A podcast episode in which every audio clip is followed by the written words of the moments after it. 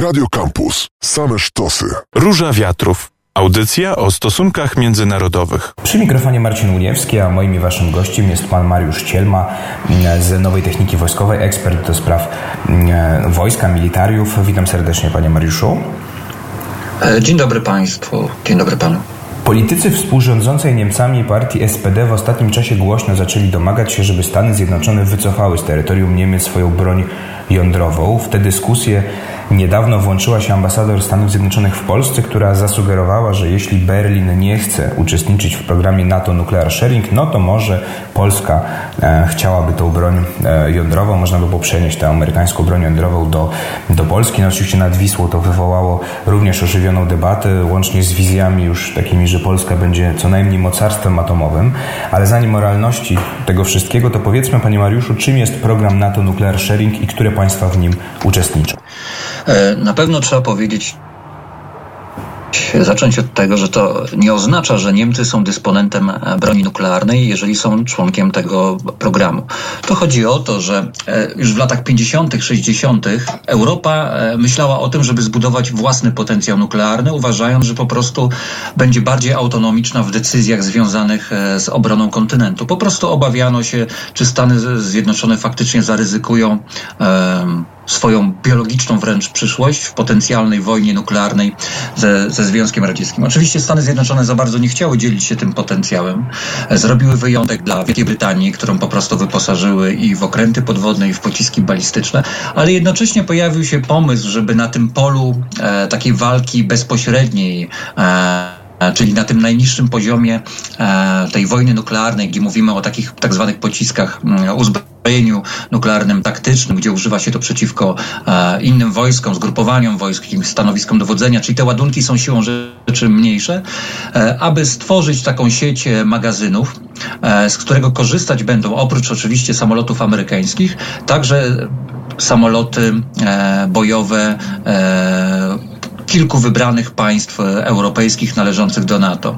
Znaczy na początku to był program trochę szerszy, bo on dotyczył także e, na przykład pocisków artyleryjskich. Tylko tak naprawdę możemy skupić się na tym uzbrojeniu lotniczym, które, które wydaje się najbardziej efektywne, także nawet w tych działaniach e, taktycznych. No i tak naprawdę od 20 mm, lat prawie, no głównie stanowi ten element tego dzielenia się e, tym potencjałem nuklearnym. I po prostu za zgodą Stanów Zjednoczonych w sytuacji niezbędnej, krytycznej, e, uzbrojenie jądrowe w postaci w tym wypadku bomb e, mogło być podwieszane pod samoloty kilku państw e, i wykorzystane na polu walki.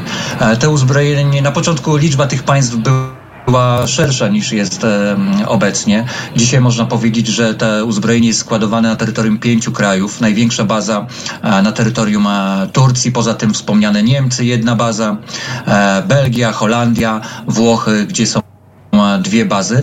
Trochę więcej powstało takich instalacji, które mogą wykorzystywać E, składować tą broń, ale w czasie pokoju tam e, to uzbrojenie e, nie jest przenoszone. Natomiast mniej więcej tam na przełomie, na przełomie wieku XX-XXI z tego programu wycofały się Grecja, wycofała się Kanada, wycofała się także Wielka Brytania, która po prostu swoje siły odstraszanie nuklearne oparła no, tylko o okręty podwodne, własne okręty podwodne z amerykańskimi pociskami nuklearnymi. Więc to pokazuje, że z jednej strony jest to w pewnym stopniu trochę płynny program. Są państwa, które po prostu miały sprzęt, miały wolę polityczną, żeby w tym uczestniczyć, a niekiedy po prostu z racji tego, że wycofały na przykład samolot, który zdolny był do przenoszenia tego uzbrojenia, jak na przykład w, w Grecji, e, z tego programu, że tak powiem, e, zniknęły. Więc Cały czas trzeba podkreślić, jest to uzbrojenie amerykańskie, częściowo składowane w Europie, w razie zagrożenia też w większych partiach transportowane do Europy z kontynentalnych Stanów Zjednoczonych, e, ale cały czas pod kontrolą e, amerykańskiej administracji, amerykańskich sił zbrojnych. Tak w skrócie, panie Mariuszu, żeby nie wchodzić super w szczegóły techniczne, ale jakim rodzaju właśnie broni nuklearnej mówimy? Bo to nie są rakiety, prawda, jakby się może wydawało, to są bomby lotnicze, podczepiane pod samoloty, które muszą być do tego oczywiście e, odpowiednio przystosowane. Tak, e, znaczy jest to jeden nawet z elementów takiej krytyki tego programu, na ile on jest faktycznie tym reliktem zimnej wojny, na ile stanowi dzisiaj skuteczne uzbrojenie, bo mówimy o systemie, który oczywiście był e, wielokrotnie modernizowany, a tak naprawdę został wprowadzony do produkcji w latach 60. To jest co do zasady klasyczna bomba grawitacyjna, czyli samolot musi się znaleźć w rejonie celu, e, zrzucić taką bombę. Ta bomba waży ponad 300 kg. E, jej taki symbol to jest B61 i w zależności od e, jaka wersja, kolejne, kolejne dwie cyfry. I tak naprawdę lata, ostatnia wdrożona modyfikacja tej, tej bomby to jest z końca lat 90. Mm, i w ostatniej dekadzie Stanach Zjednoczonych trwała dyskusja nad tym, żeby jednak wprowadzić to uzbrojenie, zmodyfikować tą bombę, żeby ona stała się bardziej odpowiadająca współczesnym wymaganiom, ale także współczesnym możliwościom, e, możliwościom technicznym, bo zwraca się uwagę, że jako ten relikt zimnej wojny, klasyczne uzbrojenie, klasyczne bombowe uzbrojenie zrzucane z samolotów, w zasadzie e, stosuje się już na, naprawdę na poziomie minimalnym w tych nowoczesnych e, armiach. I e, precyzyjne uderzenia na, nie wiem, na stanowiska dowodzenia, jakiś węzeł łączności można tak samo uzyskać choćby dzięki precyzyjnej broni, tak? Dzisiaj mamy różne pociski rakietowe, które są w stanie trafić dosłownie w obiekt wielkości, e, wielkości okna. To nie jest e, nic, nic zaskakującego w wojsku. Więc tutaj no, e, były głosy, żeby po prostu siłę tych kiloton, czyli tych tysięcy ton trotylu, jaki niesie za sobą taki taktyczny pocisk e, nuklearny, zastąpić e, precyzyjną, kilkuset kilogramową, no choćby nawet i pociskiem e, manewrującym. W Polsce też była dyskusja na ten temat. E, nabyliśmy tego typu pociski JASM, są to pociski amerykańskie z głowicą e, półtonową, ale właśnie te precyzyjne uzbrojenie zdolne razić cele kilkaset kilometrów od, od miejsca wystrzelenia. Nad Wisłą debatę na temat e, tego programu wywołał e, tweet pani ambasador Mosbacher, e, czyli ambasador Stanów Zjednoczonych w Polsce, która zasugerowała, że jeśli Niemcy nie chcą już uczestniczyć w programie NATO Nuclear Sharing, to może Polska. No i tutaj różne wizje zaczęto już snuć, jakim to możemy być mocarstwem dzięki tej, tej, tej broni. Proszę powiedzieć, panie Mariuszu, zanim przejdziemy już do tego, czy Polska w ogóle jest do czegoś takiego przygotowana, to jak są składowane te bronie? Czy, bo one, rozumiem, nie leżą gdzieś w hangarze czy, czy na półkach w magazynach, tylko składowanie ich jest objęte całą dość skomplikowaną procedurą.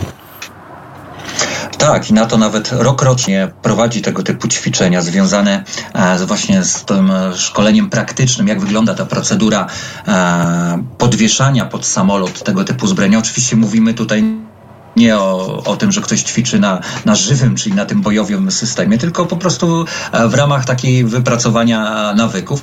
Są także ćwiczenia związane z podejmowaniem, e, z podejmowaniem decyzji. Warto zwrócić uwagę, uwagę, że oczywiście oficjalnie nikt o tym nie mówi, ale specjaliści oceniają, że to jest w granicach 150 takich bomb e, składowanych stale na, na terytorium tych e, kilku, kilku państw w Europie.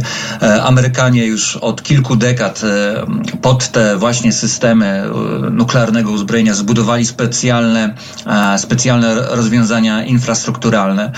Są to zabezpieczone hangary pod samoloty, w których, w których są także przygotowane magazyny. E, najczęściej taki magazyn e, pod jednym hangarem to są e, cztery takie pociski, pociski bombowe. Takich instalacji jest zdecydowanie więcej niż praktyce dzisiaj, dzisiaj się wykorzystuje. No, z racji tego, że no, ktoś chce no w czasach zimnej wojny generalnie była tendencja, żeby tego, tego, tych systemów posiadać dużo więcej, ale no i z punktu widzenia takich wojskowych, no jest większa elastyczność wykorzystania, bo oczywiście potencjalny przeciwnik, no w tym wypadku to było szykowane ówcześnie na Układ Warszawski, a teraz no przede wszystkim mowa jest oczywiście, e, że to jest element odstraszania przed wojskami Federacji Rosyjskiej. No taki przeciwnik e, no, ma dużo większą wiedzę na temat gdzie i jak to jest składowane niż my zgodnie z tym, co jest w, w przestrzeni publicznej. Oczywiście są to e, silnie zabezpieczone obiekty, także pod względem takim potencjalnych włamań elektronicznych, elektromagnetycznych.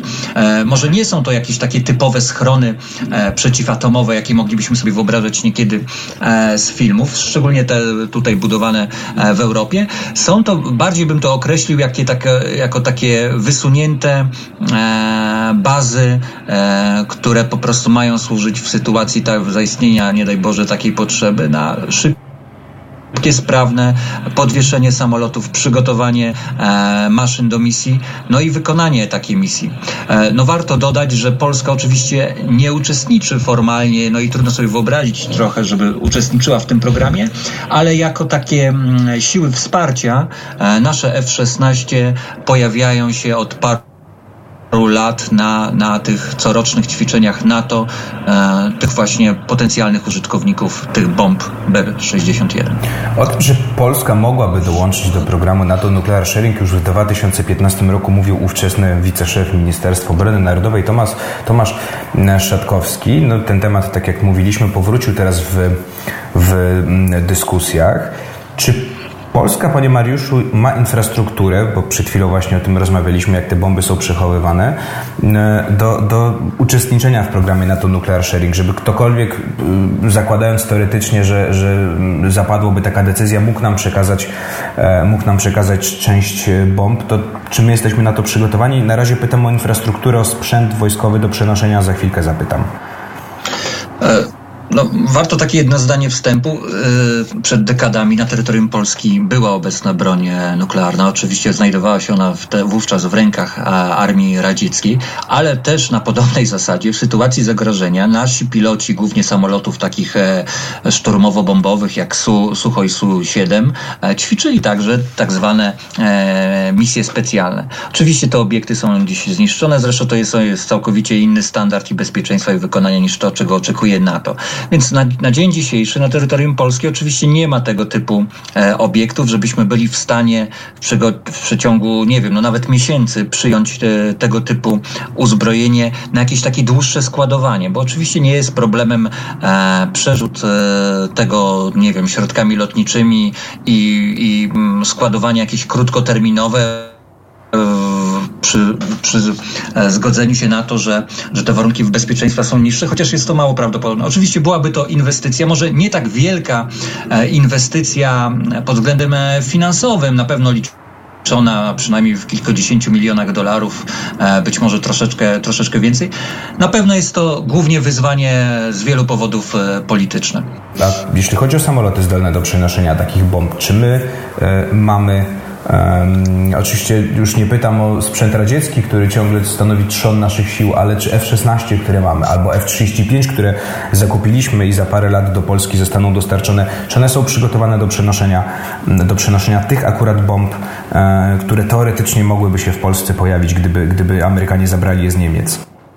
Generalnie F-16, jak i, jak i F-35 e, są to samoloty e, z założenia przez Amerykanów e, przygotowane pod przenoszenie tego typu uzbrojenia. To jest tylko kwestia odpowiedniego oprogramowania w takim samolocie. Polskie F-16, bo F-35 to jest kwestia przyszłości. Polskie F-16 przeszły choćby nawet kilka lat temu taką modernizację całego tego pakietu informa, informatycznego, czyli mówiąc krótko nową wersję oprogramowania. Zakładam, że na chwilę obecną tak z dnia na dzień e, nie ma tych interfejsów, żeby tak, tego typu e, uzbrojenie wykorzystać. Amerykanie z pewnością zadbali o to, że, że to oni, że tak powiem, odblokowują taką zdolność, ale e, platforma z pewnością mogłaby być bardzo szybko przygotowana do, do przenoszenia tego typu uzbrojenia. F-35 także jest wskazywany i nawet F-35 jest bardziej traktowany jako taka maszyna przyszłościowa. To, o czym mówiliśmy, ta bomba generalnie jest grawitacyjna i nawet po tej modernizacji, która, która się opóźnia i, i, i pierwsze egzemplarze zmodernizowanych bomb, tych z XXI wieku, e, mają pojawić się dopiero gdzieś e, za jakiś rok. Ale to już jest bomba, która ma otrzymać naprowadzanie e, GPS, czyli na, nawigację satelitarną i, i nazwijmy to takie lotki, tak? Co pozwoli na to, że no zasięg takiej bomby powinien wynieść kilkadziesiąt kilometrów. To już e, pozwoli na to, że te, żeby ten samolot już nie nie wlatywał bezpośrednio na cel, ale mimo wszystko przy dzisiejszym uzbrojeniu jest to mało. E, F, mało mały zasięg. F-35 jest samolotem, który jest w stanie no więcej przetrwać w tym takim środowisku bezpośredniego zagrożenia przez przeciwnika, czyli mówiąc krótko, gdzieś nad terytorium przeciwnika. Dlatego nawet jest traktowany jako bardziej ta przyszła maszyna, która by mogła przynosić te e, taktyczne uzbrojenie e, nuklearne. I też z tego powodu trochę pojawiła się ta dyskusja w Stanach Zjednoczonych. Wypowiedź pani ambasador oczywiście podgrzała e, tą atmosferę, e, bo w Stanach, w, w Niemczech trwała dyskusja e, jaki samolot ma być przyszłą maszyną e, Luftwaffe zdolną do przenoszenia tego typu uzbrojenia, bo dzisiejsze tornado mają już kilka dekad służby za sobą i to też jest taka walka o to, e, który, który typ e, maszyny, no przede wszystkim w grę wchodzą e, samoloty amerykańskich producentów, miałby być kupiony przez Niemców. Panie Mroszu, a jeśli chodzi o wyszkolenie polskich pilotów, oczywiście nie to, że w nie wątpię, tylko czy musieliby przechodzić jakieś specjalne testy, czy szkolenia może bardziej, żeby operować samolotami z takimi podczepionymi bombami, czy użycie ich nie różniłoby się od, od spuszczenia czy wystrzelenia pocisku pocisku czy zrzucenia zwykłej bomby? Czy tutaj też jakieś specjalne procedury, e, jeśli mówimy o broni nuklearnej? Znaczy, myślę, że pod względem takim e, technicznym na pewno te procedury są bardziej rozbudowane, ale tutaj nawet e, myślę, że w grę wchodzi przygotowanie psychologiczne. Tak? No, musimy mieć świadomość, e, że tego typu operacja jest, e, ma bardzo katastrofalne skutki, no, jakbyśmy e, na, to, na to nie patrzyli. E, I w Stanach Zjednoczonych już w czasach zimnej wojny prowadzono badania, ilu wojskowych w tych różnych bazach z bronią nuklearną, e, także załóg na przykład samolotów bombowych e, odmówiłoby wykonania rozkazu, kiedy by faktycznie taki, e, taki rozkaz padł. Więc na pewno no, pod względem takiej selekcji psychologicznej e, no, tacy piloci byliby dobierani. Oczywiście temu też służą te, e, to, o czym wspominaliśmy, te rokroczne e, ćwiczenia z procedur NATO, gdzie w tych konkretnych bazach, gdzie jest składowany ten sprzęt, czy to w jednej bazie, czy w dwóch, bo to są takie ćwiczenia niekiedy trochę bardziej rozbudowane, ci, ci wybrani piloci, wybrane jednostki się e, pojawiają, no i tam tak naprawdę sprawdzają, e, sprawdzają i uczą się tego, co muszą poznać z użyciem tego typu uzbrojenia. Na pewno jest to uzbrojenie specyficzne. Oczywiście samo zrzut bomby grawitacyjnej w tym wypadku jest no, jedną z prostszych operacji lotniczych, natomiast no, kwestia tych zabezpieczeń autoryzacji użycia, tych procedur, które no, są pewnością są bardzo rozbudowane, byłoby to coś nowego. E, nie wiem na ile nasi piloci na przykład e, ćwicząc eskortowanie takich samolotów e, na tych ćwiczeniach NATO są wtajemniczani jak to wygląda, ale tylko na bazie choćby towarzyszenia pilotom sojuszniczym w powietrzu, no myślę, że mają jakąś świadomość, jak wygląda już w praktyce wykonanie tego, tego typu misji. Panie Mariuszu, i ostatnie pytanie. E, wychodząc trochę poza kwestie militarne czy technologiczne, jaka może być reakcja? Znaczy inaczej, czy, czy, czy takiej decyzji przeniesienia broni atomowej z Niemiec do Polski no nie towarzyszyłby po pierwsze opór państw Zachodu, a ten opór byłby związany oczywiście z tym, że takie działania doprowadziłyby Kreml do białej gorączki. Myślę, że to jest eufemizm mm, ciągle. No mamy też układ przecież NATO-Rosja z 97 roku, który zawiera deklarację, że kraje członkowskie sojuszu nie planują rozmieszczania sił nuklearnych na terytorium tych nowych członków. No Polska e, jest w tym wypadku tym nowym członkiem, patrząc z pozycji e, tego układu. Mm, no właśnie, czy tutaj, czy tutaj na, na, na, e, na przeszkodzie nie stanęłaby, nie stanąłby opór, opór raz państw Zachodu, a z drugiej strony szczególnie opór Kremla, który, no mówię, myślę, że, że to, to żeby się zdenerwował, to jest duży eufemizm, gdyby broń atomowa pojawiła się w Polsce amerykańska. Znaczy, wydaje mi się, że hasło broń atomowa w, składowana w Polsce to jest cały czas political fiction. E, no, e, nawet spodziewam się oporów t, w naszym kraju. E, zauważmy, że już obecność kilku tysięcy żołnierzy amerykańskich w ramach tej brygady pancernej e, wywołuje duże opory i nawet świadomie administracja amerykańska wprowadziła hasło rotacyjnej obecności, co oczywiście dla Stanów Zjednoczonych e, pozwala na większą taką elastyczność operowania tymi siłami, ale z drugiej strony e, poprzez czasową obecność e, administracja amerykańska uważa, że nie łamie żadnych e, porozumień e, międzynarodowych choćby wspomnianych z końca lat 90. Z drugiej strony no, też musimy mieć świadomość tego, że czy na terytorium obwodu kaliningradzkiego, czy w innych miejscach, nawet. Myślę, że takie plany dotyczą Białorusi, e, e, mogą być e, przynajmniej przygotowywane miejsca, zaplanowane, gdzie, gdzie tego typu środki mogą być użyte, powinniśmy przynajmniej jakąś procedurę planowania przeprowadzić.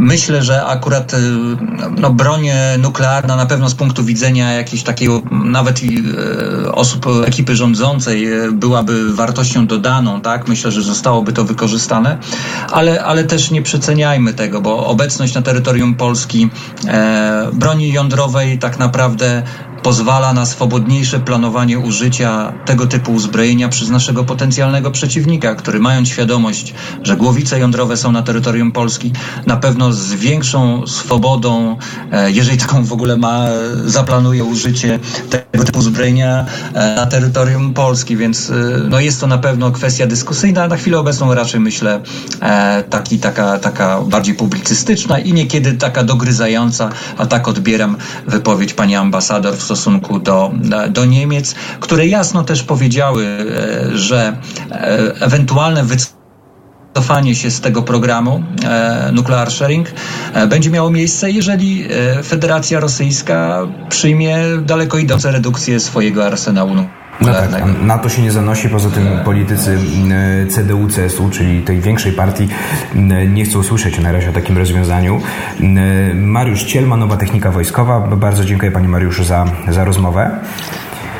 Dziękuję również. To była Róża Wiatrów, Marcin Uniewski. Żegnam się z Wami. Słyszymy się oczywiście w środę za tydzień. Radio Campus.